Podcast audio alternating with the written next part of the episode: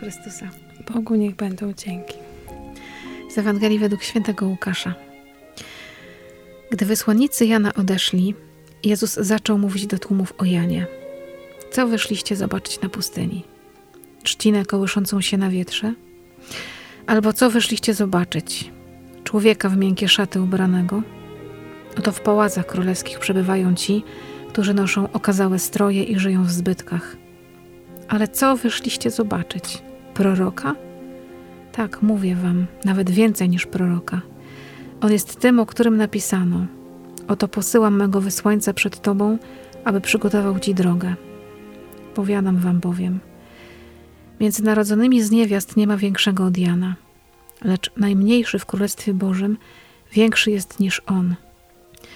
I cały lud, który go słuchał, a nawet celnicy przyznawali słuszność Bogu, przyjmując chrzest Janowy. Faryzeusze zaś i uczeni w prawie udaremnili zamiar Boga względem siebie, nie przyjmując chrztu od Niego. Oto Słowo Boże. Bogu niech będą dzięki. Dzisiaj ze mną na kawie Milena. Szczęść Boże. Szczęść Boże.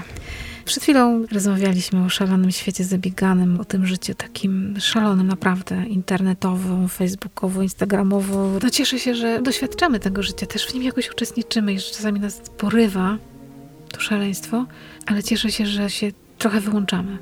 Siadamy spokojnie z kawą, patrząc jej w oczy i możemy spokojnie porozmawiać o dzisiejszej Ewangelii, o tym słowie, które jest, no myślę, że mocne, w tym słowie przykład Jana, jego wyjście na pustynię, myślę, że daje taki przykład, żeby trochę odciąć się od tego świata, wyjść z tych przestrzeni internetowych. Żyjemy w takim świecie, który ogląda sobie jakieś takie celebryckie chwyty, a Pan Jezus mówi nie. Jan nie jest w ogóle z tej kategorii. On nie wyszedł tutaj świecić jakimiś gładkimi słówkami. To jest chyba jedyny fragment Ewangelii, w którym Jezus mówi wprost o Janie. I co ciekawe, nie mówi tego do Jana, tylko do ludzi. Wczoraj słuchaliśmy Ewangelii o tym, że Jan wysłał swoich uczniów do Jezusa, a kiedy ci uczniowie poszli, to dopiero Jezus powiedział o Janie świadectwo swoje.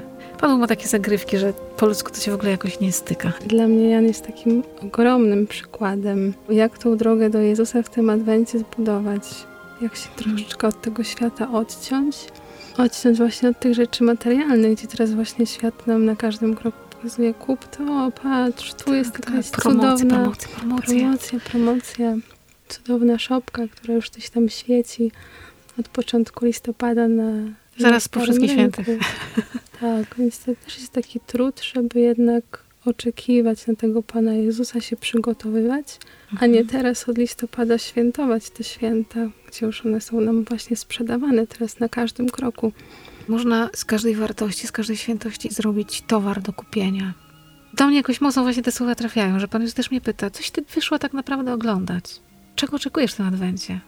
Przypomniało mi się, jak w Martyrii po jednej z dwudziestek było czuwanie zespołem Tato. Tam były takie słowa, że Jezus jest jednocześnie zwycięzcą, jest pokorny i że jest pierwszy i ostatni. Tak sobie pomyślałam, jejku, to jest niesamowite. I że Jan jest tak blisko Jezusa, że jest taki właśnie jak On.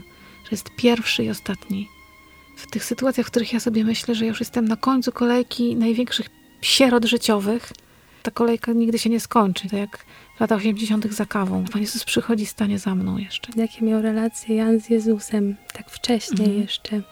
Myślę, że Jan nie był świadomy na początku, jak byli małymi dziećmi, kim jest Jezus tak naprawdę. Mi się mhm. bardzo podoba takie ukazanie Jana z małym barankiem. Myślę, że on jeszcze tego symbolu nie znał też musiało być niesamowite, jak Duch Święty na niego stąpił i poznał tą całą prawdę o Jezusie. Pamiętam też kiedyś słucham księdza Pawłykiewicza, znowu ksiądz Pawłykiewicz się nam tu pojawia, że Jezus nie powołał Jana na apostoła, a miałby takiego zawodnika, miałby takiego żołnierza po prostu w ekipie, a Judasza wziął, nie? A jednak nie. Jednak pozwolił Janowi być tylko głosem na pustyni. Tylko, aż, który uchwycił sens, istotę Boga i potrafił żyć tym. Jan jest po prostu taki zwyczajny. A jednocześnie niezwyczajny, A jednocześnie nie? niezwyczajny. Co takiego Jan w sobie miał, że krzyczy na tych ludzi plemię żmijowe, a ludzie go słuchali, chłonęli, przyjmowali chrzest, a potem poszli za Chrystusem też dzięki świadectwu Jana. Można być radykalnym człowiekiem, a mieć w sobie tyle miłości, że ludzie będą widzieć tą miłość w tobie. Miłość przede wszystkim nie polega na głaskaniu po główce i mówieniu o, jak cudownie. Mm. Trochę tak świat nam mówi, nie? że miłość to jest takie nie mów nic wbrew mnie, bo wtedy już mnie kochasz. Często reklamowane jako takie słodkie uczucie, bardzo mhm. miłe. Motyle w brzuszku. Motyle w brzuszku, tak. Czasami większą miłością jest to, jak się powie komuś trudne słowa. Właśnie z miłością. Kochać i mówić czasem trudne rzeczy. To być takim Janem Chrzcicielem, który nie ustawia światła na siebie, tylko na Chrystusa, nie?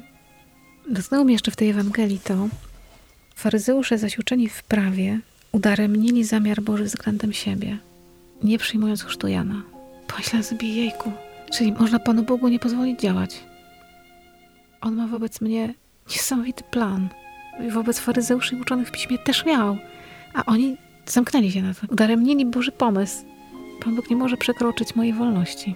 Jest w ogóle, takie piękne, ale też jakie trudne, bo sami potem zapętlamy się w ten nasz smutek przez to. Jednak Pan Bóg jest na tyle kochany, że nam daje tą wolną wolę.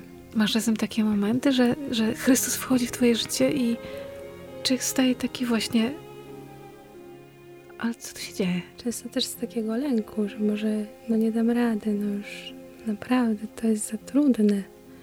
I często właśnie z takiego lęku też próbuję się wycofać. Ale gdzieś tam na modlitwie próbuję to rozeznać, czy to jest Boże, czy nie. Czasami nas Pan Bóg prowadzi przez różne trudy, które nas uświęcają. My byśmy bardzo chcieli, żeby to, co Boże, było łatwe. Ostatnio w życiu miałam taki obraz, że mówię, co już najtrudniejsze to już chyba przeżyłam i teraz będzie właśnie tylko pięknie. Piękna leśna ścieżka ptaszkami. Piękny zapach kwitnących jabłoni. Zachód słońca. I tak sobie wyobrażałam, że tak będzie. Jednak okazało się, że jest jeszcze trudniej. No i wtedy mm. zrozumiałam, że no właśnie w tym jest całe piękno. Tak jak w górach im idziemy wyżej, jest nam trudniej no ale potem widoki są nieziemskie. I myślę, że czasami tak z Panem jest, że my zakładamy, że ta droga właśnie będzie, o, teraz będzie już taka leśna ścieżka, teraz będzie lajcik. O Jezu, nie, poczekaj. Za zakręty dopiero zakręt. będzie jazda, nie? Mi czasami jest ciężko uwierzyć w to, że za tym zakrętem będzie pięknie, albo jak opadną te mgły. Że bym hmm. chciała wiedzieć teraz, szybko tutaj znać odpowiedź, nie? Ale hmm. czasami jest, przeprowadza przez takie ciemne dolinki, ale jak się go trzyma za rękę, to ujrzymy kiedyś światło. To nas Jan Chrzciciel dzisiaj poprowadził. A właściwie właśnie Jan Chrzciciel, który gdzieś tam z boku stoi, a Jezus o nim mówi daje świadectwo. I też myślę sobie, że o nas Jezus daje świadectwo. I pewnie będzie taki moment, kiedy je usłyszymy, kiedy Jezus o nas powie świadectwo. I oby to było to świadectwo, że jesteś Milena więcej niż prorokiem, jesteś tym, kto ma przygotować drogę dla Chrystusa. Oby to było takie świadectwo. Bardzo Ci dziękuję za tą kawę. Ja Ci też bardzo dziękuję. Z całego serca. 16 grudnia z Janem Pawłem II. Dzień, który jakoś tam wspominamy, bo to któraś tam miesięczniczowa rocznica jego wyboru. Ale jakoś tam chyba nam w tych polskich sercach gra ten 16. On też był mistrzem. Jan Paweł II. To święty Janie Paweł II. Módl się za nami.